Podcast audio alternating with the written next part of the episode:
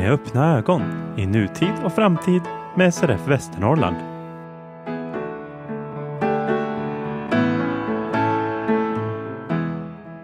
Välkommen till Med öppna ögon i februari 2023.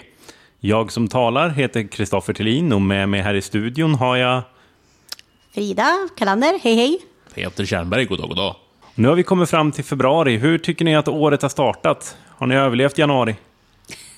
Januari är en tung månad så jag började med att fly utomlands faktiskt en vecka. Och för att få lite ljus och lite annat. Men eh, annars, ja, usch, jag tycker det är väldigt svår tid med mycket halka och växlande väder som påverkar när man ser dåligt och har ont i kroppen. Så jag är ganska nöjd med att januari, eller jag är väldigt nöjd med att januari är slut.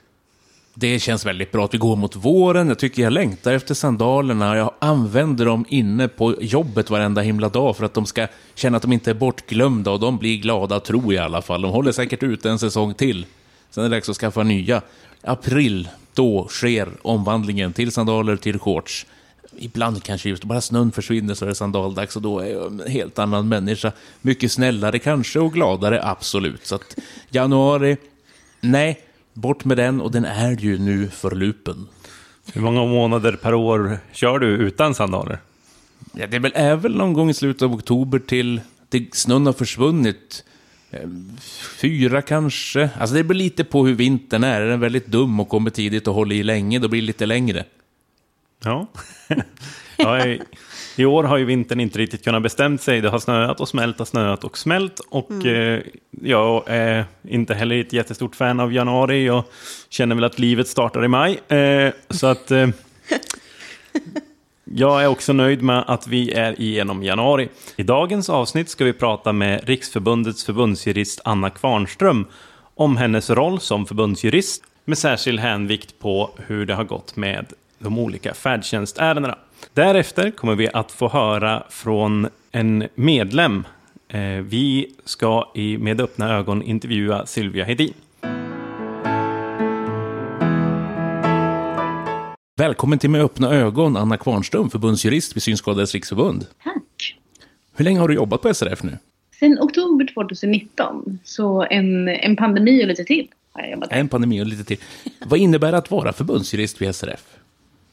Det innebär, ehm, åh, det innebär en fantastisk möjlighet för en som jurist eh, som mig att utveckla sig. Men framförallt så innebär ju det eh, att man tar itu med arbetsbeskrivningen som i största del handlar då om att ta del av medlemmars ärenden och, och ge råd och stöd och ibland gå in som ombud. Och sen i viss mån intressepolitik och kanske interna juridiska frågor i viss mån. Du snuddade vid ärenden av olika slag. Vilka ärenden är det som kommer in mest från medlemmar? Så mest hör det ju till eh, just frågan om vilket stöd man kan få ifrån det allmänna. Eh, och då handlar det i, i största del om ledsagning skulle jag vilja säga. Eh, och då är det LSS, ledsagarservice och ledsagning enligt socialtjänstlagen som många är hänvisade till. Och sen är det ju mm, ganska många frågor om färdtjänst och hur det ser ut och fungerar och nu. Och sen är det riksfärdtjänst och sen är det sjukförsäkring och sen är det merkostnadsersättning. Alltså det blir en rullande trappa neråt. Sen är det ju en del frågor som handlar om eh, arbetsrätt. Vad har man för rätt gentemot sin arbetsgivare? Eller rättigheter när man är student. Eh, och diskrimineringsrätt i viss mån också. Hur många ärenden hinner du ta i? Jag har ju väldigt många ärenden. Det är ju tyvärr så att det är många synskadade som har svårigheter och, det ligger ju i tiden. Eh, Det har blivit svårare att vara en person med funktionsnedsättning i dagens samhälle.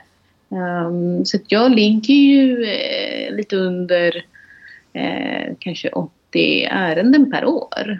Um, just nu är det lite mindre så vi får se hur det utvecklar sig. Eh, Men då har jag också till hjälp en, eh, en byrå som SRF anlitar lite i de eh, kanske lite besvärligare ärendena.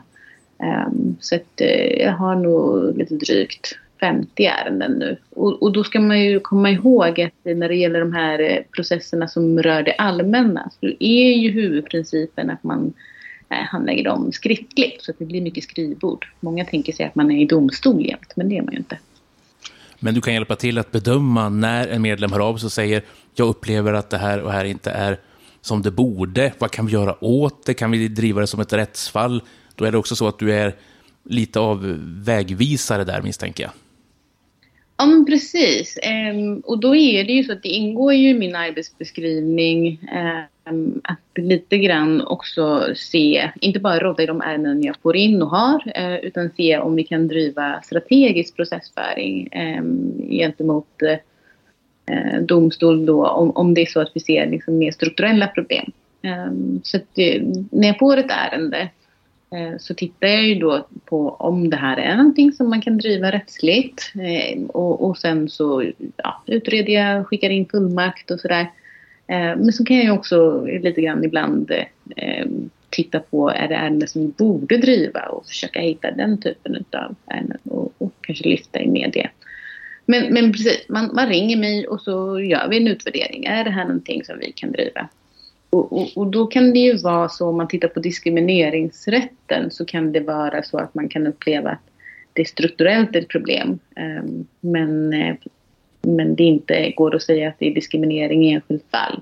Och då går det ju inte att driva fast man tycker att det är orättvist ändå, så att säga. Så att olika ärenden kräver olika typer av åtgärder.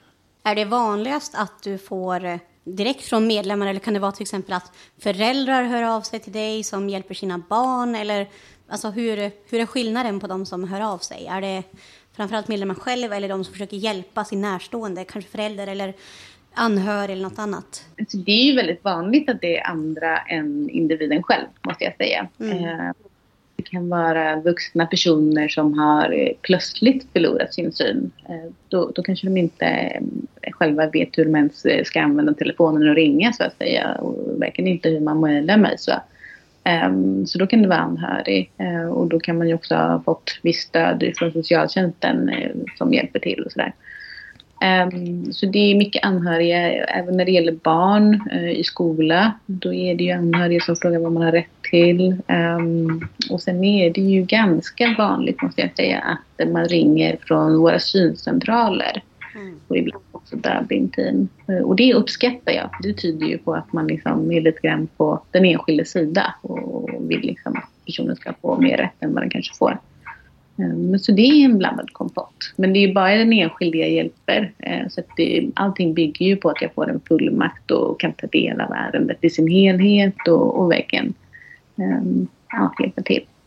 Om det inte bara är fråga om liksom, tips och råd, så här ser lagstiftningen ut. Mm. Anna, vad tycker du, eller vad tror du det som har hänt när vi ser att fler och fler synskadade får problem med färdtjänsttillstånd? Att få ett tillstånd eller att få ett tillstånd förlängt? Ja, eh, den är ju ganska signifikant. Alltså, eh, den visar hur det ser ut på många områden egentligen. Eh, och då är det ju så att eh, lagstiftningen som nu är gammal ehm, skrevs med liksom ambitionen att det, det, är en självklarhet att synskadade som inte ser ehm, fullständigt ska kunna få stöd för att förflytta sig. Ehm, och, och sen har den domstol eller den lagstiftningen inte rörts. Eh, men, men samhällsutvecklingen har ju rört på sig. Eh, och då ska man ju säga att den lagstiftningen, så många lagstiftningar är eh, golv för vad kommuner och regioner, det allmänna, ska tillhandahålla. Och sen har då tillståndsgivarna, som kan vara kommuner men oftast är regionerna, undan för undan Eh, Eh, kanske liksom eh, utnyttjat sin lite starkare ställning i domstol. Eh, man har ju ofta som enskild lite underläge för man vet inte vad som ska processas om och är inte lika duktig på att få in rätt intyg och, och så. Lyckas eh, ja, men liksom påverka tillämpningen av lagstiftningen genom domstolsärenden eh, som, som har blivit mer och mer eh, till nackdel för den enskilde. Ehm, så det som har hänt är då att eh, nu har det dragits till sin spets att ehm, synskadade inte längre omfattas av färdtjänstlagen om man ska vara lite sträng eh, och, och, så. Och, och, det tycker vi ju förstås är förskräckligt. Men, men som tur var eh, och är så är det ju många i, i allmänheten som också tycker det är eh, ett tecken på att någonting är lite fel. Handlar det bara om ekonomi här om vi pratar om de som nu har makt att ändra på det här, politiska företrädare och de tjänstepersoner som ska titta på de här faktiskt eh, till slut fatta beslut i ärenden om enskilda individer? Eller är det en annan människosyn eller är det en kombination som blottläggs här? Ja, alltså om jag ska svara på den frågan måste jag nästan liksom kliva ur lite, i alla fall mena benet över eh, liksom min arbetsbeskrivning och kanske liksom titta på det utifrån mer eh, de intressepolitiska handläggarna, vad är det som har hänt? Um, och, och, det är klart att uh, jag tror nog att många skulle säga att ekonomin spelar roll um, här. Att det, det påverkar um, incitamenten att pressa ner lagstiftningen och rättstillämpningen och, och rent krasst att vägra synskadade färdtjänsttillstånd fast det är uppenbart att de behöver det. Eh, men tittar man mer på domstolen och, och vad som har hänt där så tror jag nog att det, förklaringen till stor del ligger i att eh, ja, men vi har en lagstiftning som inte tillräcklig, eh, i tillräcklig omfattning uppgraderas och, och liksom tar hänsyn till de aspekter som man behöver och en lagstiftare som inte har varit på alerten eh, helt enkelt. Och sen så kan man ju också, eh, tycker jag, säga att eh, Eh, man möjligtvis, och det är inte bara i färdtjänsten utan i andra eh, lagstiftningsområden också, har börjat tillämpa lagen som, som tak istället för golv. Så att eh, när det kommer en dom så säger man... Eh, ja, men om det kommer en dom som säger att eh, Nisse, 37 år, med eh, hjärtproblem och eh, den här synskadad eh, får inte tillstånd i, i domstol. Då börjar eh, liksom alla förvaltningar lite så samtidigt att bestämma sig att just eh, om man har de här funktionsnedsättningarna så får man inte det. Ehm, men, men, problemet är ju att det får man ju visst om handläggaren tycker att ehm, det är sådant som i deras lokala, eh, utifrån de lokala förutsättningarna, ska berättiga till dem. Ehm, så finns det ju inga hinder att avslå. Så man har ju blivit sämre på att, att liksom fatta egna beslut i någon bemärkelse. Ja, och många gånger hör man ju också att ja, möjligtvis att ni ingår, men vi måste också se över både kostnader och annat, säger ju en del handläggare ganska öppet, inte på möten och så, men jag tycker ändå indirekt många gånger. Det känns, jag vet inte, jag brukar beskriva det som att det är mycket juridik som har tagit plats från politik. Eh, jag vet inte om du håller med med de juridiska glasögonen på, men, men det är kanske ett sätt att försöka förklara det också. Alltså jag hör oftare att vi måste, vi måste säkerställa att det är rättssäkert. Och, och då har man nog missförstått vad rättssäkert är. Um, utan eh, liksom börjat använda sig av schabloner som ska gälla överallt oavsett var man är i Sverige. Och lite rundat politiken. Um, för jag menar, de flesta politiker går ju till val för att säga att vi vill stärka personer med funktionsnedsättning på det här området. Vi göra mer för vården eller vad det nu handlar om.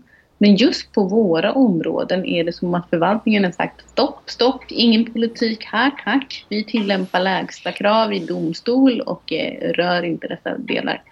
Och det tycker jag är knasigt. Um, så det, en del politiker jag pratar med, även på arbetstid, när de ringer och frågar får man inte göra bättre än så här, eh, har ju blivit tillsagda av sina förvaltningar att man inte får röra de här frågorna. Um, så så jag tror inte det bara är ekonomi, även om det förstås är en faktor någonstans där bakom. Eh, men jag tror att det är mer komplicerat än så.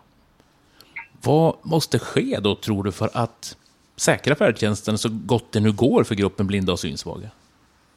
Det krävs ju en lagändring, eh, kort och gott. Ingenting annat kan ju återupprätta liksom, den rätten som lagstiftaren har haft ambition och, och velat att man ska ha. Så. Hur, Ja. Hur svårt är det att göra en lagändring då? För man hör ju ofta, ja, det där måste, lagen måste ändras och så vidare. Okej, hur, hur går det här till? Hur lång tid tar det och vad, vad krävs att det ska kunna ske? Det är ju eh, en sak som kan ta jättekort tid och jättelång tid beroende på vad det är för fråga. Ehm, nu är ju Eh, just ändra färdtjänstlagen för synskadade för många en ganska perifer eh, fråga trots att den är liksom livsviktig för många synskadade.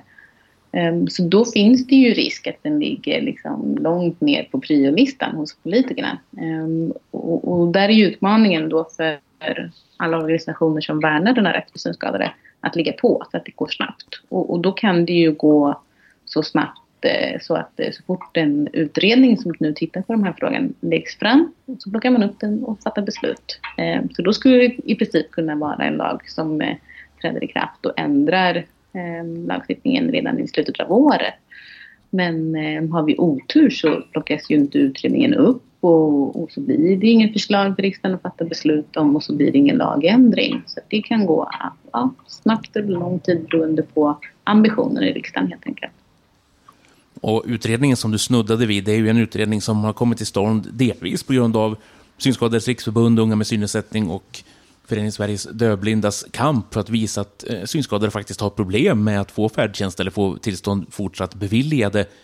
Jag misstänker att du har tittat och lyssnat också, eh, som vi andra, på utredningen, hur man har jobbat där. Vad, vad, tänker du runt utredningen? Finns det några förslag som man kan tro blir bra? Eller skulle det krävas något ännu tydligare?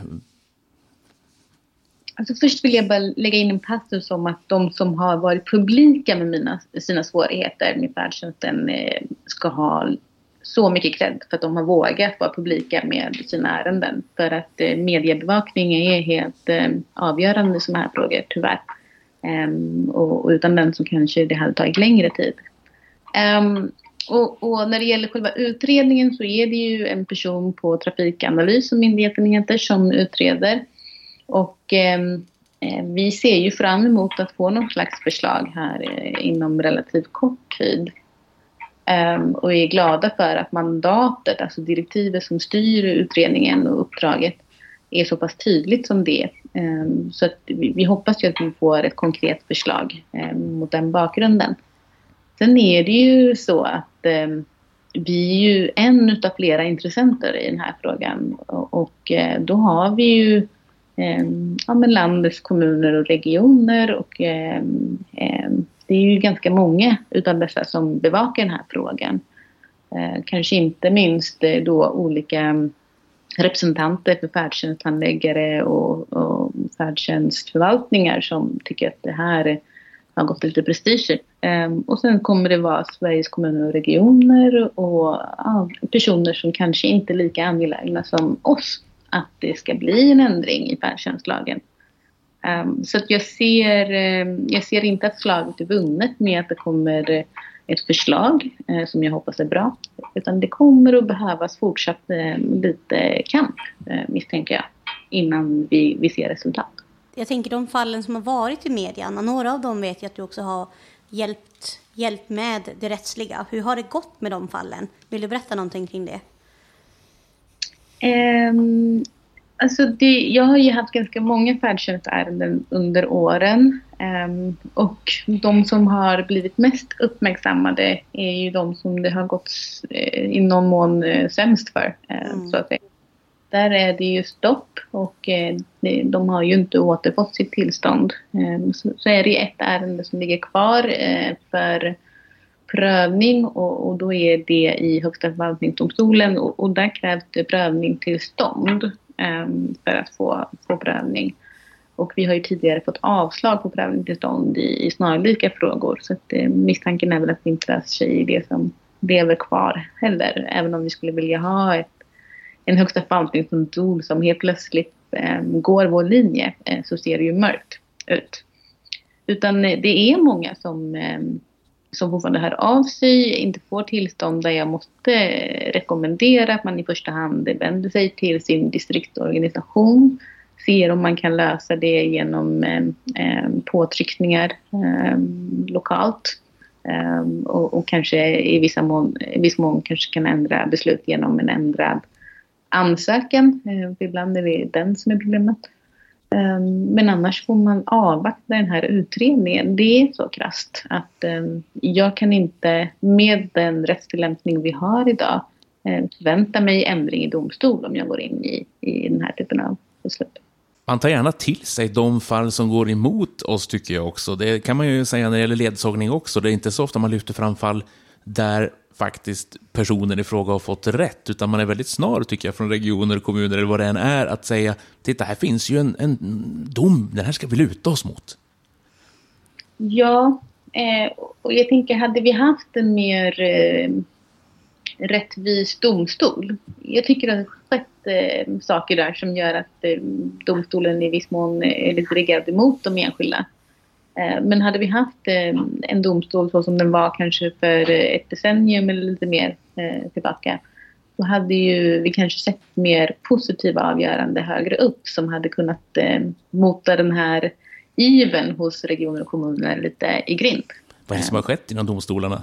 Jag tycker domstolarna har blivit eh, min, så här, förvaltningsprocessen går ut på i domstol eh, att eh, den enskilda förväntas ha eh, ungefär jämlika förhållanden eh, som motparten, det vill säga det allmänna som oftast har massa jurister och, och resurser och så. Och, och, och, det gör den genom eh, motprestation, det vill säga att domstolen lite grann ska processleda och, och liksom bistå lite i processen. Och, och, det kan jag tycka att domstolarna gör i mindre utsträckning. Eh, och sen så har den ju börjat att eh, ställa lite högre beviskrav på den enskilde som oftast inte vet vad som ska bevisas eller vilken omfattning. Kräva mer intyg eh, och också inte själv ha tankar, idéer eller kunna dra slutsatser. Eh, så att det, det blir svårt. Eh, så jag kan ha till exempel ärenden som rör eh, med rätten till ledsagning och, och så har den enskilde förklara för domstolen att den har svårt att förflytta sig, eh, att utföra ärenden, till exempel gå och handla och så. Och, och så ser jag i domslut hur, eh, hur domstolen eh, tycker att det inte är bevisat att den som är blind har svårt att förflytta sig. Och, och det är ju det vi ser i färdtjänstärendena också. Och det skulle ju domstolen för en tid sedan eh, ha förutsatt bara av att det är rimlig slutsats av att man är blind alternativt kallat in någon sakkunnig som hade, ehm, eller liksom bett om en sakkunnig eller liksom på något sätt själva tagit reda på hur, hur det står till så att säga. Och så ser det inte ut idag. Hur kommer man i kontakt med dig? Man kan ringa mig på min telefontid mellan 13 och 16 varje vardag. Eh, och, och, då får jag lägga in en OBS. Och det är för att ibland har jag ju möten eh, och så. Så att det inte är garanterat att man når mig 13 till 16. Men, men eh, då har jag telefontid och så kan man lämna ett meddelande om jag inte svarar. Vad har du för nummer? 076 539 9248. Eller via e-post misstänker jag. Ja, och då är det anna.kvarnström.srf.nu. Stort tack för den här pratstunden och all lycka framtiden med jobb och annat. Men tack så mycket för att jag fick prata med er. Anna nämner den intressepolitiska aspekten. Både du Frida i arbetet och Peter i stor del i SRF sysslar ju med intressepolitik. Hur skulle ni säga, hur är det att arbeta intressepolitiskt idag? Det är inspirerande men också tungt. Det, det, är inte så himla enkelt att förändra saker i samhället. Ibland kanske man tror att är vi tillräckligt många och är vi till, pratar vi om saker tillräckligt många gånger så kanske det händer någonting. Men eh, det jag vill lyfta är att ibland så gör man framsteg, men sen kan det komma något beslut som gör att det ändras ändå och då är man på ruta ett igen och måste kämpa på nytt. Så att intressepolitik kräver ett jäkla tålamod har jag insett nu de eh, senaste åren, både som US-ordförande och som ombudsman. Att det är det är inget jobb man ska ta om man vill eh, se snabb förändring, för det ser man inte alltid. Ibland kan man göra det, men mycket är inte snabbt på plats. Utan det gäller att hålla i och hålla ut och inte tappa, tappa kämparglöden helt enkelt. Eller vad säger du Peter? Nej men så är det och man måste också inse att vissa saker alltid kommer att ta tid. Sen tycker man att det är fånigt att det gör det.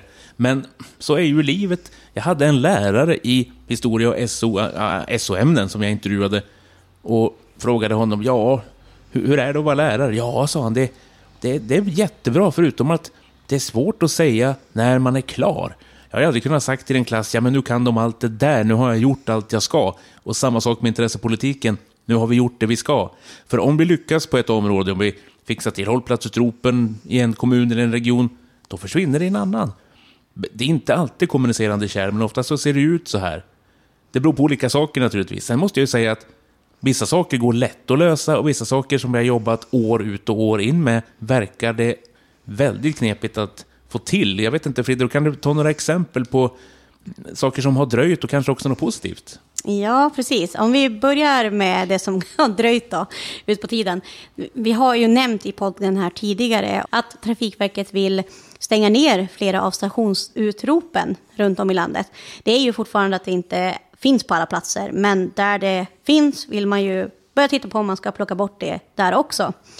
Där var vi ju väldigt mycket ute i media i SRF och Unga med synnedsättning över hela landet år 2021 och tänkte, många av oss tänkte nog redan då att det inte, slaget är inte vunnet, men de drog tillbaka det de hade tänkt genomföra.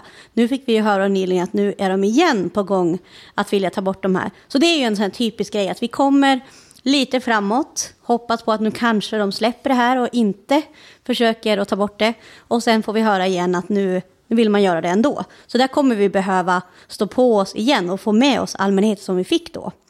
En annan sak är ju, eh, i förra veckan så var jag på ett möte med eh, Niklas Mattsson, förbundsordföranden, och Claes Nelfelt som är ordförande i förbundet Sveriges dövblinda och träffade justitieministerns statssekreterare för att prata om det som vi också har tagit upp väldigt mycket här i podden.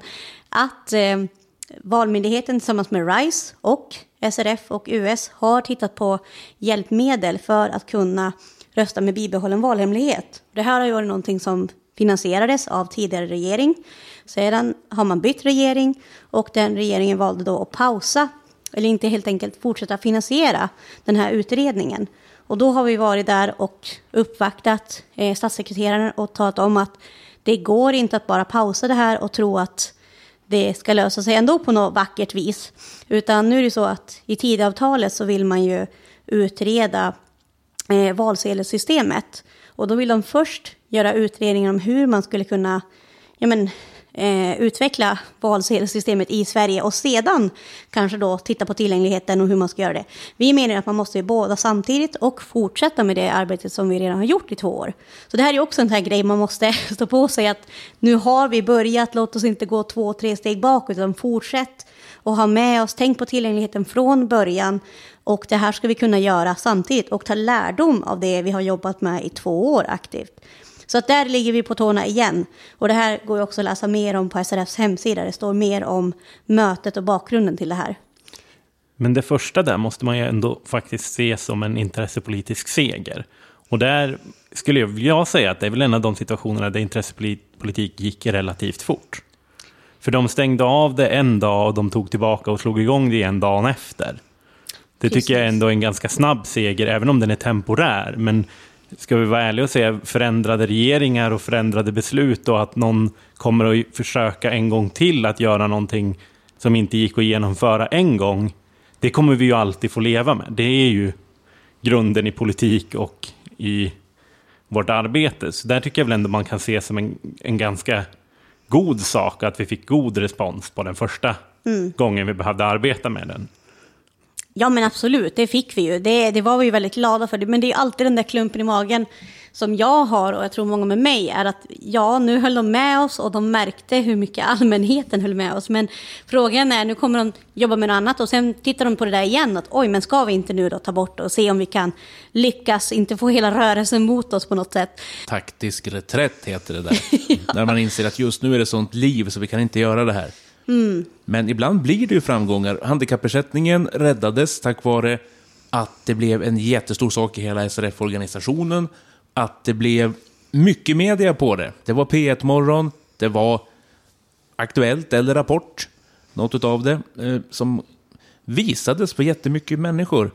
Och det väcktes harm, det väcktes upprördhet ute bland folk. Det var på sociala medier, det var i lokalpress, det var i de stora dagstidningarna. Och då blir det svårt att stå emot för de som lägger sådana här förslag. Så det är också en jätteviktig sak. Har vi media med oss, då funkar det. Det gällde handikappersättningen, det gällde stationsutropen och något kul som har hänt på slutet, då hade vi också media med oss. Men ta det du Frida så får du avsluta med något kul. ja, precis. Ja, men där man kan se snabb förändring är det som också går att egentligen lösa snabbt, bara man får någon att ta ansvar. Det är ju det som jag nämnt, att när man eh, renoverade Sundsvalls centralstation så satte man ut så kallade platorer. Vi märkte ju direkt att ja, någon funkade, men de flesta funkade inte och till slut var det ingen som funkade. Och vi gick ut med det här i media. eh, nu här, inte så långt innan jul. Fick med oss radio på det och dagen efter så var det löst. Nu är det ju så att vi fortfarande ska gå och titta så att det fortfarande fungerar. Men det var någonting vi märkte snabbt att oj, de fick nog, eh, de fick nog jäkligt bråttom och tyckte inte det var kul att bli uthängda på det här sättet. Men det var ju det som krävdes. Och eh, det är ju en sån sak som var väldigt lokal och som borde vara en snabb sak att fixa som de också gjorde. Så att vi hoppas på mer av det. Jag tycker man också ska lyfta en del saker som har blivit bättre för gruppen blinda och synsvaga. Jag njuter ju av dagstidningarna till exempel. Hur gjorde man förr? Ja, det var ett väldigt genombrott när taltidningarna kom, alltså de som producerades med veckogamla nyheter början på 60-talet runt om i distrikten ofta skötte det här och sen gick det över till landstingen i bästa fall. Man läste alltså in valda saker från dagstidningar som sen skickades ut per rullband först, kassettbanden kom sen. Och efter ett antal år så satte man igång att kunna ge ut varje dag. Man distribuerade kassetter. Man fick spelare som tog hem över P1-nätet om nätterna. Det var fantastiskt. Det var inte så jättelänge sedan. Jag gjorde det här som barn och ung. Jag är född 86, så att eh, ni kan räkna själva. Men Jag gjorde det också. du, ja, du är född 92, om vi ska droppa årtal här. Eh, och Årsbarn med Frida. Eh, då har vi avslöjat alla våra åldrar här, det kan ni få på köpet. Nej, men det var inte så länge sedan, och då var man jätteglad åt det där. Det var 90 minuters kassetter, 45 minuter på varje sida. Folk satt och läste in. Och naturligtvis hann de inte läsa hela tidningen. Men jag var jätteglad för det jag fick. Och sen, sen tiotalet år tillbaka, så får man ju tillgång till i stort sett hela tidningen på lite olika sätt. Man kan ta det i sin app, man kan få det via sin eh, Victor Reader-spelare. Och i stort sett så förstod jag då hur en tidning var upplagd. Bara det gjorde ju att man dels fick mer information och dels kände att det var spännande att faktiskt vid 20 plus begripa hur Sundsvalls tidning var uppbyggd som det rörde sig om den gången. Men man måste väl också säga att i intressepolitiskt eh, arbete, det må gå trögt och så, men vi stöter väl inte på allt för ofta att eh, folk inte vill ta våra möten. Nej, det upplever inte jag i alla fall. Utan folk vill gärna träffas och blir också väldigt nyfikna när man berättar hur vissa saker funkar för oss. Nej, jag har aldrig haft någon som har sagt där har en SRF fel, ni ska inte ha de här rättigheterna. Och det gör man väl inte för stämningen blir dålig, även om man skulle råka tycka det kanske. Och det gör ju också att man måste läsa på om samhället och måste fundera på vad är relevanta, bra krav från synskaderörelsen att ställa också. Jo, men absolut. Och sen tycker jag att man faktiskt måste lyfta att intressepolitiskt arbete är ju viktigt även om vi inte får till förändring. För det är ju inte nödvändigtvis så bara att vi lyfter fram en fråga att de vi lyfter fram frågan till tycker att vi har rätt. Men vi har upplyst dem. Vi har lyft fram frågan. Vi har kanske fått uppmärksamhet på det. Vi har kanske fått någon, någon ute i allmänheten att bry sig om vad vi tyckte om frågan. De kanske inte heller håller med. Men vi har fått lyfta fram vår sida av saken. Nej, och det är också viktigt att makthavare, som jag slarvigt säger, men jag menar politiker och tjänstemän, de ska veta att SRF finns där. SRF tittar på vad de gör och vill de ha dialog så är vi beredda till det. Går de förbi oss så kommer de att märka det, för då blir vi upprörda med all rätt.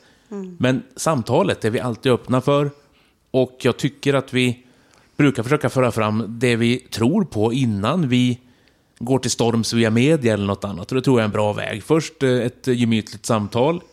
Kommer man inte alls överens då får man fortsätta debatten på något annat håll, på något annat sätt. Men det måste vara SRF kännemärke, att man ska veta att vi alltid bryr oss, att vi alltid svarar på samtal och mejl. Att vi deklarerar vad vi tycker.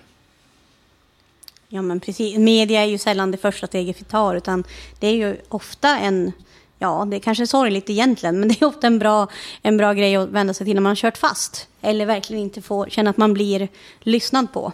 Och det kanske känns tröstlöst att skriva ytterligare en insändare inför Vita käppens dag med Visa käppvett i trafiken. Men om inte annat så syns vårt namn. Så syns Synskadades riksförbund Västernorrland eller var det än är. Och då är det också reklam. Här finns vi. Vad har vi på gång i SRF Västernorrland den närmsta tiden? Vi kan börja med att prata om den årliga skidresan som äger rum 29 januari till och med den 2 februari. Det är som vanligt två minibussar som packas med deltagare med skidor, med snöskor, ledsagare etc. Och glatt humör kommer alla ha, för så är det alltid, trots att jag är med.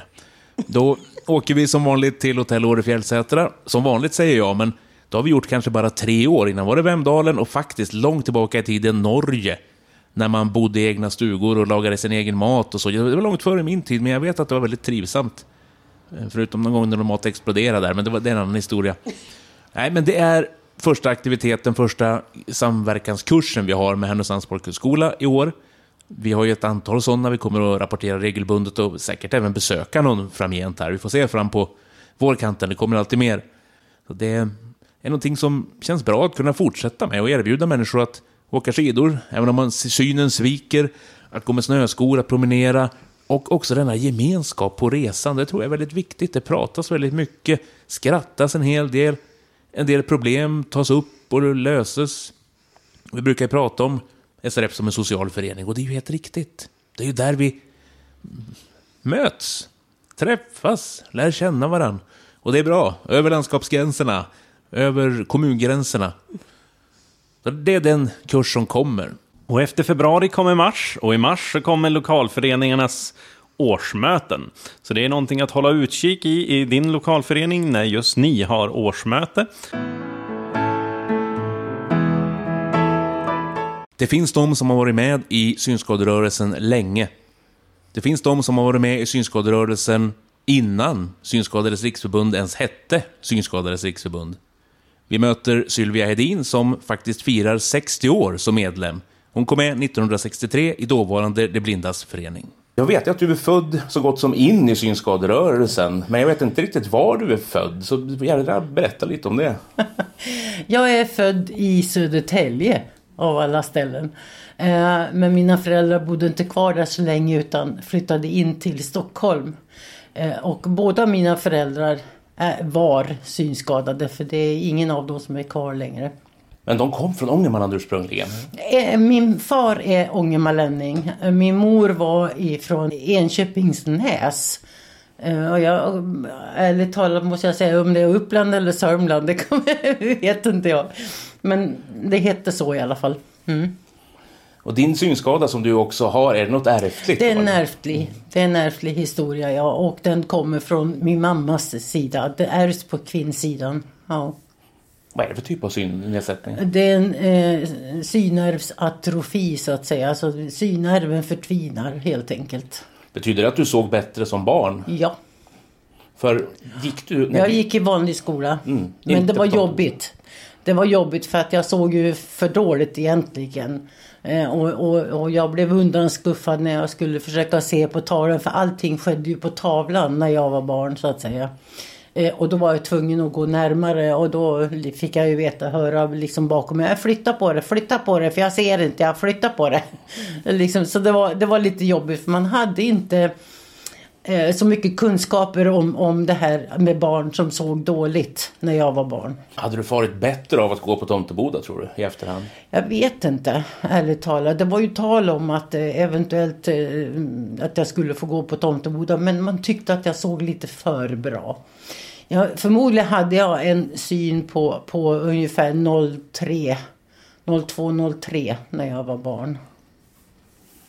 Om vi stannar vid barndomen, var växte ni upp? Jag vet att du har varit i närheten av, eh, vad säger man, blindhusen på i Stockholmstrakten och kvarteren där runt om och stämningar och sådana saker. Vad, vad kommer du ihåg av det? Alltså de här eh, husen på Gotlandsgatan, det är två hus och de är ju sammanbundna med, med fabrikslokaler var det ju från början.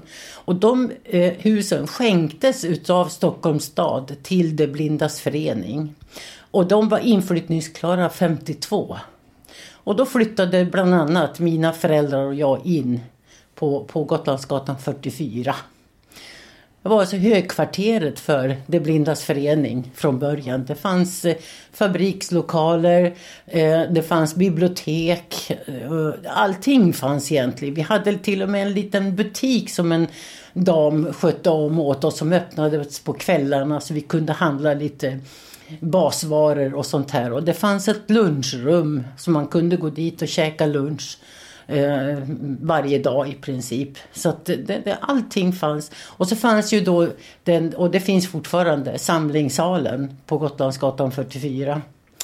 Eh, och den används ju fortfarande. Den har haft lite olika skepnader under åren vet jag. Men, men eh, eh på den tiden så hade vi mycket fester där nere. Sammankomster, möten, träffar. Allting skedde på, på, i den Gotlandssalen. Du blev hemtam där känns det som. Mycket hemtam, jajamensan. Vi sprang ju och lekte där. Vi var ju många ungar så att säga.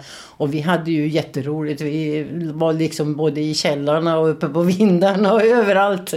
Och till och med så hade vi i 46an så fanns det nere i källaren en liten innergård. Och den, där spolade vi den på vintern så vi kunde åka skridskor där nere.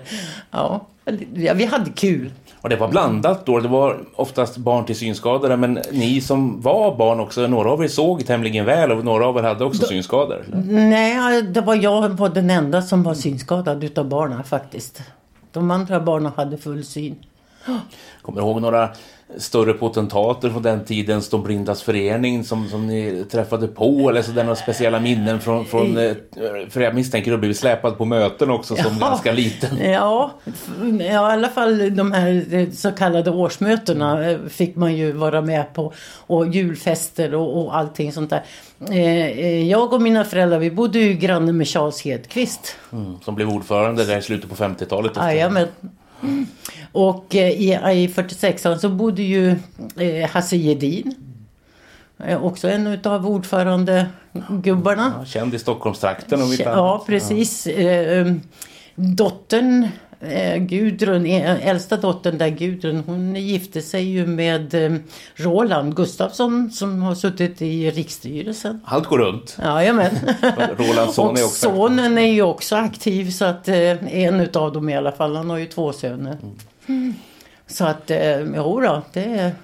Är det något mer runt de här kvarteren eller uppväxten där som du tänker att det där kommer jag aldrig att glömma? Eller det här var fantastiskt att ha varit med om i efterhand? Alltså jag, det, det, min uppväxt där på Gotlandsgatan kommer jag aldrig att glömma. Aldrig. Då, alltså det, det var någonting alldeles enastående. Jag, jag stortrivdes i alla fall. Eh, hur de andra barnen gjorde det vet inte jag. Men alltså jag, jag kan ju bara svara för mig själv. Men, men, men jag stortrivdes ju. Tyvärr så flyttade jag därifrån när mina föräldrar separerade. Eh, 1960 och sen så har jag ju inte, ja jag har återvänt och hälsat på folk, det har jag gjort. Och då var du 13 år 1960 va? Mm, jag skulle fylla 13 på sommaren där när jag hamnade nere i Småland av alla ställen. Och skolgången i Småland där, var den lika knepig, krånglig som i Nej, Stockholm? nej, nej, inte alls. Helt annorlunda. Alltså jag blev så väl eh, bemött och, och det, allting gjordes så att det blev lika för alla. Alltså det man gjorde ingen skillnad på mig och de andra eh, skolkamrater. Jag gick nu i en B-skola. Det var en väldigt liten by ute på landet utanför Värnamo som jag hamnade i. Eh, och, och det var ju alltså femte, sjätte, sjunde klass i ett och samma klassrum. Men första gången vi skulle ha ett prov så för i, i Stockholm där skrev man ju upp alla frågorna på tavlan. Och i bästa fall så kunde jag ju hänga med något sånär men alltså betygen var ju därefter. Men här i Småland så skrev han upp, han skrev upp på papper. Alla frågorna, så dela ut papper till alla. Och sen fick vi då skriva svaren på ett annat papper. Fanns det några som helst synhjälpmedel som du hade då? Nej, inte något. Inte någonting. Vad hände sen efter när du gick ur? Vad sa man då? Jag, jag, jag säger grundskolan av gammal vana men, men det heter ju inte riktigt samma sak. eh, Nej, som nu. det, det var folkskola Ja. bara. Eh, Sjuårig folkskola. Så att när jag hade gått mitt sjunde år sen var jag ju färdig i skolan.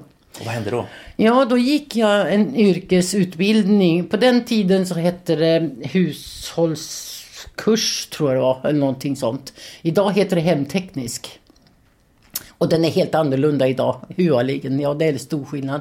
Men man fick lära sig att sy och väva och laga mat och sköta om barn och städa och allt möjligt sånt där. Jag hade som tanke på den tiden att bli barnskötare.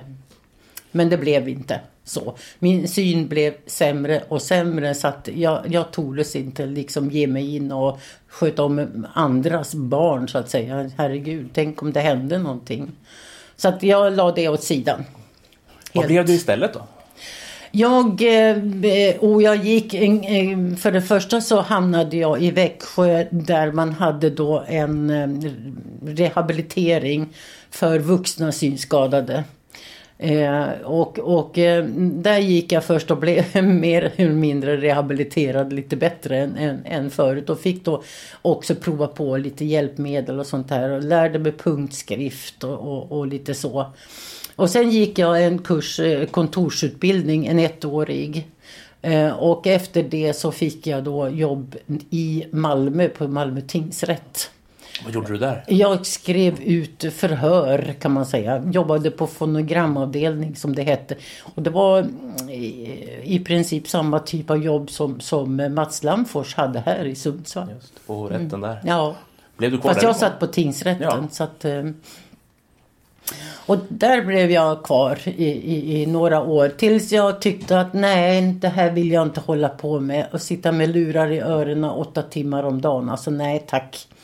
Så att jag letade mig därifrån och eh, gick då på Furulund eh, i en så kallad omställning och träningskurs. Och där bestämde jag mig för att för det första läsa upp eh, grundskola och gymnasiekompetens. För det var jag ju tvungen att ha om jag skulle kunna gå vidare överhuvudtaget.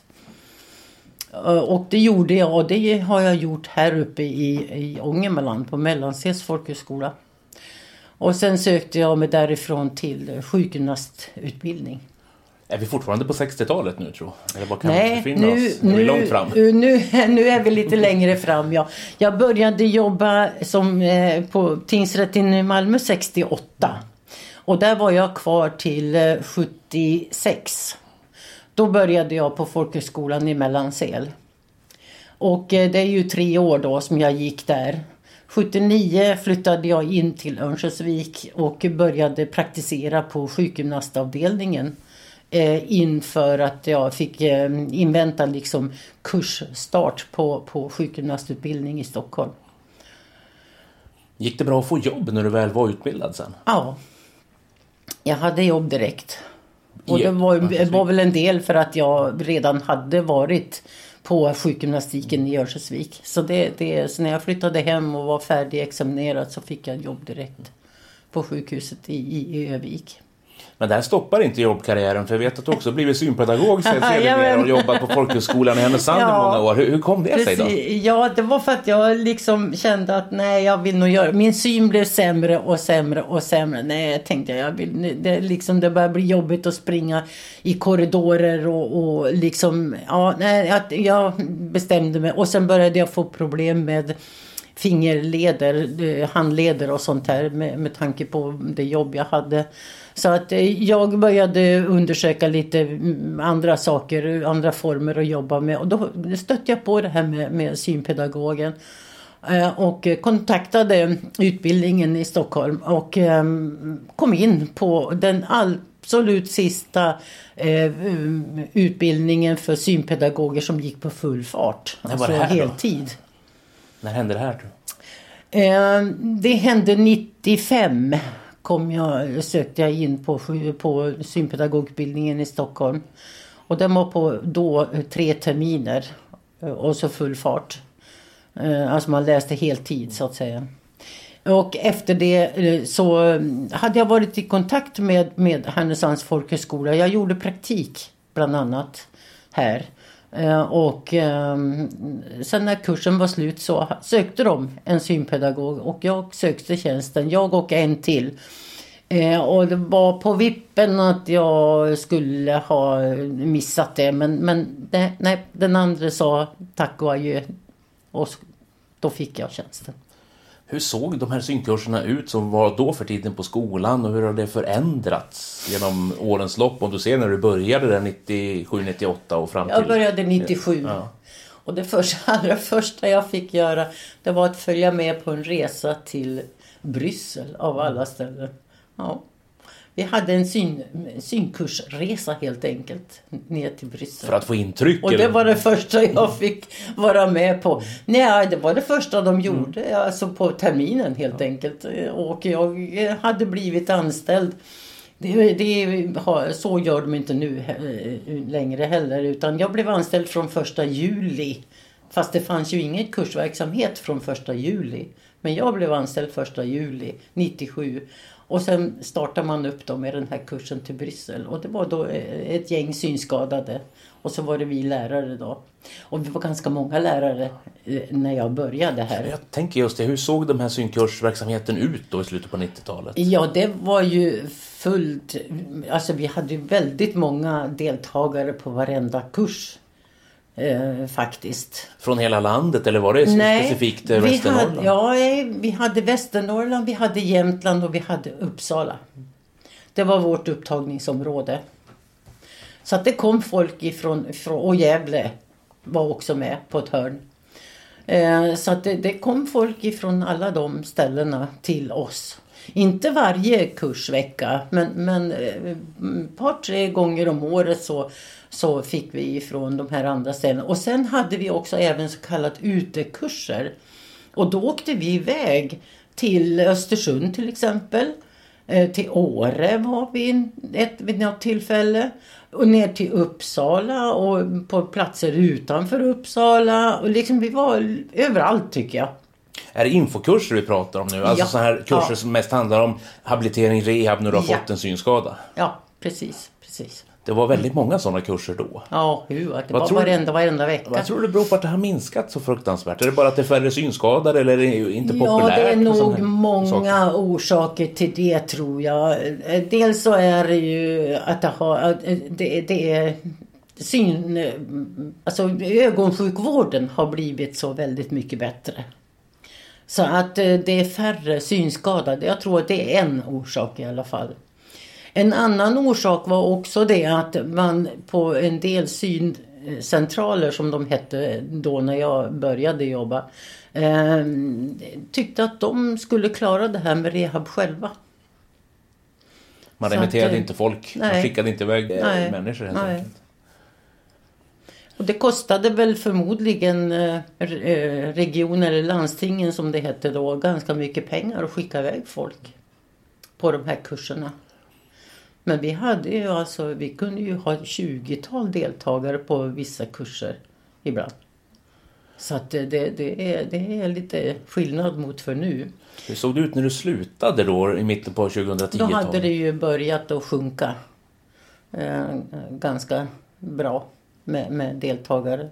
Så att vi, det, det var, fanns ju veckor då vi inte hade någon kurs och så där vidare och vi försökte att hitta eh, annat att göra istället och så. Tyvärr. Och sen fick vi ju, sen eh, sänktes ju eh, eh, personaltätheten också. Eh, vi hade ju de som eh, slutade dels till följd av ålder naturligtvis. Men också för att de hittade, mm, att de sökte jobb till synrehabiliteringen direkt och så. så att, eh, allt eftersom så, så sjönk ju personaltätheten. Vad tror du om rehab och habilitering för gruppen synskadade idag då? Vad fattas egentligen? För ingenting har ju ersatt det här så här långt. Nej. Och det, jag, tycker det är, jag tycker det är sorgligt. Jag tycker det är jättetråkigt. Ser du tydligt det här på nysynskadade idag? Att man är mer eh, ovan i sin funktionsnedsättning eller vad man ska kalla det för? Ja, alltså de jag träffar på, alltså det, jag tycker det, det fattas en del, en hel del saker. Bland annat det här med, med eh, orienteringsmöjligheter, att kunna vara ute och, och, och ta sig fram för egen maskin och, och så. Eh, de gör nog så gott de kan här på folkhögskolan, de få som är kvar i, eh, i, i personalen så att säga och, och hjälpa de få synskadade som, som kommer. Men alltså, jag, jag känner en stor risk att det kommer att läggas ner. Och det slår ju ja, dels mot skolan men framförallt för gruppen Mm. Ja. blinda och synsvaga. Ja. Om man inte ersätter det med någonting annat. Precis, precis, precis. För att jag, jag har en känsla av att är även alltså synrehabiliteringen på regionen har inte heller möjligheter att kunna eh, ge en fullgod rehabilitering på det viset som just folkhögskolorna kunde göra. Nej, och det handlar ju mycket om basrehabilitering pratar Ja. de om. Och det Ja. kan man ju förstå för att jag menar, ska du eh, som förut kunde du nästan gå ett år Ja. eh, som, de, på de kurser som fanns. Eh, som SRF. Alltså min första rehabilitering den var ju alltså på 42 veckor. Det var ordentlig rehabilitering. Men då var det ju mycket man fick lära sig som man kanske Eh, tycker idag, ja det var väl, man kunde väl ifrågasätta det. Men man, man hade obligatoriska ämnen. Det var att lära sig hantera käppen. Sen spelar det ingen roll om man hade synrester eller inte. Man skulle lära sig hantera käppen. Man skulle lära sig hantera punktskrift. Man skulle lära sig hantera eh, eh att eh, skriva maskin. Eh, och eh, sen hade man lite mm, kökstjänst eh, också. Alltså det här med att hantera olika hjälpmedel i köket. Det fanns inte sådär jättemycket men det fanns några i alla fall. Eh, och så. Sen hade man ju saker och ting som jag, man ifrågasätter på många håll och det var det här med att sitta med med eh, slöjdarbeten, att fila på mm, smörknivar och lite utav varje. Och även fanns det ju då kurser för att lära sig att väva. eh, Och så här. Så det, det, det fanns mycket som bara var utfyllnad tyckte jag och en del andra också. Lite grann av det gamla, de blinda ska jobba med hantverk. Ja, ungefär så. Ja, precis. Så att eh, det. Men alltså det här med att eh, Eh, just det här att lära sig att hantera eh, den vita käppen och att orientera sig och lära sig punktskrift och så. Alltså det, det, det har jag haft jättestor nytta av eh, senare i livet så att säga. Alltså, jag tycker man saknar mycket det nu. Om vi går in på synskaderörelsen och din insats där. Du har varit förtroendevald i omgångar vad jag förstår. När började det? Ja, jag började i början på 80-talet. När jag liksom hade eh, kommit in till Övik så att säga ifrån Mellansel. Det, det var dåvarande ordföranden i Örnsköldsvik, Hans-Erik Ödling, som värvade mig till föreningen kan man väl säga. Alltså medlem i eh, SRF har jag varit ända sedan 1963 faktiskt. 60-årsjubileum i år. Ja, precis. Fantastiskt Ja. att, vi, att vi satt och gjorde det här samtalet. Då. Ja, precis. Det var, man, blev, man kunde bli medlem i, i föreningen när man fyllde 16. Så min mamma tog med mig till ett årsmöte bara och sa det att nu ska du bli medlem, punkt slut. Ja, och det jag blev. Ja. Hur såg det ut i SRF Örnsköldsvik på den tiden? Det känns som att det var skillnad på medlemsantal där också. Ja, oh, ja det, oh, det var ju en stor, för då var den största föreningen i Ångermanland. Eh, när jag kom med. Vi hade jättemånga eh, eh, medlemmar och så. Det var ju väldigt många som kom på träffar och årsmöten och, och, och såna här saker. Och, och man gjorde resor och man ja, hade alla möjliga olika träffar. Så att, eh, och jag skulle från början så skulle jag försöka att få igång lite eh, lite eh, friluftsverksamhet och så men det, det gick lite trögt från början. Så att eh, ja, det vart inte så mycket med det. Men sen började jag med, med att bli eh, valberedare. Det var där jag startade. Och där är du tillbaka. Och där har jag i varit i, fall. princip. Ja. Men du har också haft eh, ett antal sessioner i SRF Ångermanlands styrelse. ja. Till och med som ordförande under något år. Ja, jag råkade ju vara vice ordförande när Hans-Erik, på Hans-Erik Gödlings sista eh, verksamhetstid så att säga. Så att när han avled så fick jag ju hoppa in. Men jag hoppade ju av ordförande. Alltså för eh, ordförande är inte mitt. Nej, jag, jag, jag kan göra annat men inte det. Och det har du gjort också för de senaste åren har du varit sekreterare i SRF Härnösand. Ja, Ganska många år Ja, egentligen. det, det har jag varit. Och jag har varit i perioder så att säga. Och det är likadant eh, på eh, distriktet också. Jag var sekreterare där också i någon period. Så att, Hur har SRFs arbete eller innehåll i vad man pysslar med ändrats under dina år tycker du? ja, egentligen så har det väl inte ändrats sådär jättemycket. Utan man har sina medlemsträffar. Eh, det man gjorde mera tidigare det var väl att man eh, på, alltid på, åtminstone lokalt gjorde man alltid sommarresor. Varenda år så var det en sommarresa någonstans. Så till slut började det ta slut på eh, platser som vi kunde ta oss till för man hade redan varit där så att säga. Men sen eh, började det också tryta därför att medlemsantalet tröt och ja, det, ja det, och sen nu det allra senaste det är ju coronan som ställde till det så nu vet jag inte hur vi hur det kommer att bli framöver för jag tycker vi har tappat en massa medlemmar.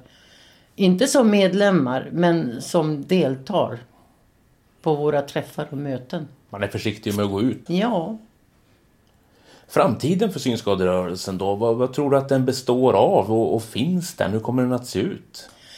Ja, alltså som jag det, tycker att det verkar som så är vi nog på återgång till att eh, börja, den vi en gång i tiden började med en, en, eh, en förening som täcker he, ett helt län. Och inte så mycket lokalföreningar för det Vi har ju bara sett här i Ångermanland och Medelpad att vi har tappat den ena föreningen efter den andra. Tyvärr. Det är svårt att hitta funktionärer. Det är svårt att hitta funktionärer, absolut. Vad är det SRF har gjort dåligt då? Alltså om man inte tänker bara medlemsmässigt, vad, vad skulle du vilja att SRF gjorde mer? Om, om det är något sånt du har funderat på eller vad, vad som är bra? Om du får kåsera runt den här föreningen som du ändå har varit en stor del utav i de här Ja. 60 åren, både som förtroendevald och vanlig inom citationstecken medlem. Alltså jag, ja, jag har nog inte funderat. Alltså fundera gör man ju naturligtvis på, på hur, hur ska vi nå ut till våra medlemmar. Men alltså medlemskadern minskar ju också. Eh, och blir ju äldre och äldre. Alltså de unga synskadade som det fanns mycket av när jag var ung så att säga. De finns ju inte så mycket idag. Utan det är en, en åldrande förening. Och eh, som äldre så är det inte alltid att man orkar med så mycket. Eh, och hitta på. Eh, så jag, jag vet inte vad man ska... Man måste nog sätta sig ner tror jag i eh, eh många tillsammans och verkligen eh, Eh, spåna i det här. Vad gör vi? Vad kan vi göra för någonting? För att eh, eh, de här, våra medlemmar ska kunna få vara med. För att vi ser ju bara här i Ångermanland eh, Sollefteå och Kramfors hur de har minskat allt eftersom. Men om det verkligen är en minskning hos synskad, alltså utav synskadade personer eller om det bara är att eh, de inte har eh, fått ordentlig kontakt med oss. Det vet jag inte. Nej, och det är svårt att utröna tror jag. Man Ja. får fundera. Ja. Vad har SRF gett dig då? Som, som person? Alltså jag har ju växt upp i, i den här organisationen kan man ju säga. Ehm, Så det, alltså jag har ju känt en väldig trygghet att ha organisationen bakom mig. Ehm, Jag känner mig... eh, Alltså det, det är lättare att, att umgås så att säga därför att jag vet att det, jag är inte ensam. Utan det, vi är många tillsammans. Och ju fler vi är, ju bättre är det ju. För det gäller ju också för eh, omgivningen, eh, kommuner, regioner att förstå eh, det här att vara synskadad. Alltså det har hänt på senare eh, tider att jag har liksom tänkt att gud om man finge sätta en bindel på dem där och, och be dem göra saker och ting som vi måste gå igenom och göra i vår vardag. Så kanske det blir lite bättre förståelse när de eh, drar in saker och ting som, som eh, man tycker är eh, an, vad alltså människor i, i allmänhet eh, har, har liksom lätt att, att kunna eh, göra saker men vi kan det inte därför att vi ser för dåligt och sen får vi ingen hjälp att göra saker och ting. För att det kostar pengar. Och, och myten tycker jag också är att de flesta som inte känner en eh, pe- person som har synnedsättning, blind eller synsvag, tror ju också att vi har allt det här. Vi Ja. har ledsagare, vi har Ja. färdtjänst. Det, det är en sån där sak som folk blir extremt förvånade över och säger Ja. ah, ni inte det ni behöver? Nej. Det är väl klart att ni ska ha färdtjänst. Det är väl klart att ni ska ha ledsagning. Ja men visst, det tycker många. Men inte beslutsfattarna. Hur fungerar det här i Härnösand för dig? Hur, hur funkar det att leva i Härnösand som synskadad? Ja, det, det, på senaste åren har det varit lite stökigt det här med ledsagare. Jag har en ledsagare. Eh, och det är inte alltid att hon kan ställa upp. Eh, för att hon har även andra så att säga. Men här i stan, det, är- det är jättebra med, med eh, ledsag, att vi får ledsagning överhuvudtaget. Kostnadsfritt än så länge? Ja, kostnadsfritt ja. Eh, åtminstone när man, man är ensamstående synskadad så, så tror jag inte att vi har, det är någon som har något problem att få ledsagare. Men det, det är det att vi bör hitta ledsagaren själv. Och det är inte alldeles enkelt. Särskilt inte som, jag är ju inte uppväxt i Härnösand. Eh, jag kom ju hit 97. I och för sig så har jag väl känt en del människor. Men ingen som eh, eh, är villig att ställa upp som ledsagare så att säga. Så att, och jag vet andra också som har bekymmer med att hitta ledsagare. Även om vi, vi kommunen nu bidrar med det. I alla fall än så länge. Men eh, ja, nej, jag, jag vet inte. Det, det, eh, ja. Och färdtjänsten börjar också bli problematisk. Har jag märkt på senare tid. Eh, De har färre bilar som kör. Så att idag kan det vara jätteproblematiskt att ta sig till olika saker. Det finns mycket att jobba med kan vi ju säga. Ja, det finns det. Apropå att ta sig fram. Jag har ju glömt dina ledarhundar. Det har du haft några stycken va? Jaha, jag har haft några stycken. Jag har haft åtminstone fem stycken. Var det självklart att Men- skaffa ledarhund? Nej, det var det nog inte. Alltså jag tyckte ju att jag klarade av att ta mig fram med, med, med hjälp av käppen och så där vidare. Men så var det någon som nämnde liksom, men ska du inte skaffa hund? Det, det går ju så mycket lättare. Det var någon annan ledarhundsförare som, som nämnde det. Och då, när jag fick min första hund, då var vi ju ganska många ledarhundsförare i Ångermanland faktiskt. Men eh, ja, nej, men jag har haft några stycken. Både lab, labbar och pudlar och en par schäfrar också dessutom. Vad var det bästa med att ha ledarhund då? Friheten. Att kunna gå promenader? Eller Ja. det? Att kunna motionera, att kunna gå ut, kunna gå när jag vill. När jag vill alltså. Och inte när någon annan vill. Visserligen kunde det ju vara ett helskok när det var skitväder och snöstorm och elände men ah, det gick ju. Man hade ju hunden, man litar ju på den. Den hittar ju hem och den hittar ju till sin rastplats och allt möjligt. Så liksom jag hade ju inga bekymmer. Det, det, det, det, det har verkligen varit en frihet. Men har du haft din sista eller siktar du på någon ytterligare hund Nej, framöver? nej, jag har haft min sista. Jag har fått bekymmer med en höftled så att eh, ja. Så vissa, vissa perioder så har jag så pass ont i den så att jag orkar knappt gå och ta mig över köksgolvet höll jag på att säga, men nästan i alla fall. Så att eh, nej, det, det är... Nu är det slut, tyvärr. Annars hade jag ju Faktiskt när det, åtminstone när det är barmark och sådär, man kan ta sig ut och gå precis när man vill. Alltså det, ja, nej, den, den friheten saknar jag. Absolut. Vad gör du annars när du inte pysslar med SRF och sådana saker? Är det Privat, andra intressen? Jag läser mycket böcker. Är det Legimus-appen som gäller eller vad? Nej, det är Storytel. Just, det Den är också. enklare faktiskt tycker jag. Nej, så det, det, jag läser hemskt mycket böcker. Är det allätare där eller är det blandar? Är det någon speciell ja, genre? Ja, jag blandar deckare och lite feelgood. Fast det får inte vara för sliskig feelgood. Men, men, men lite spänningsromaner och, och så. Ja. Det, det, så det, det är lite blandat sådär faktiskt. Men, men det, det är så det jag läser och läser och läser och läser. Och, och eh, sen har jag ju faktiskt fortfarande så pass mycket syn så jag kan använda mig utav en förstoringsapparat, en CCTV. Så att jag löser korsord.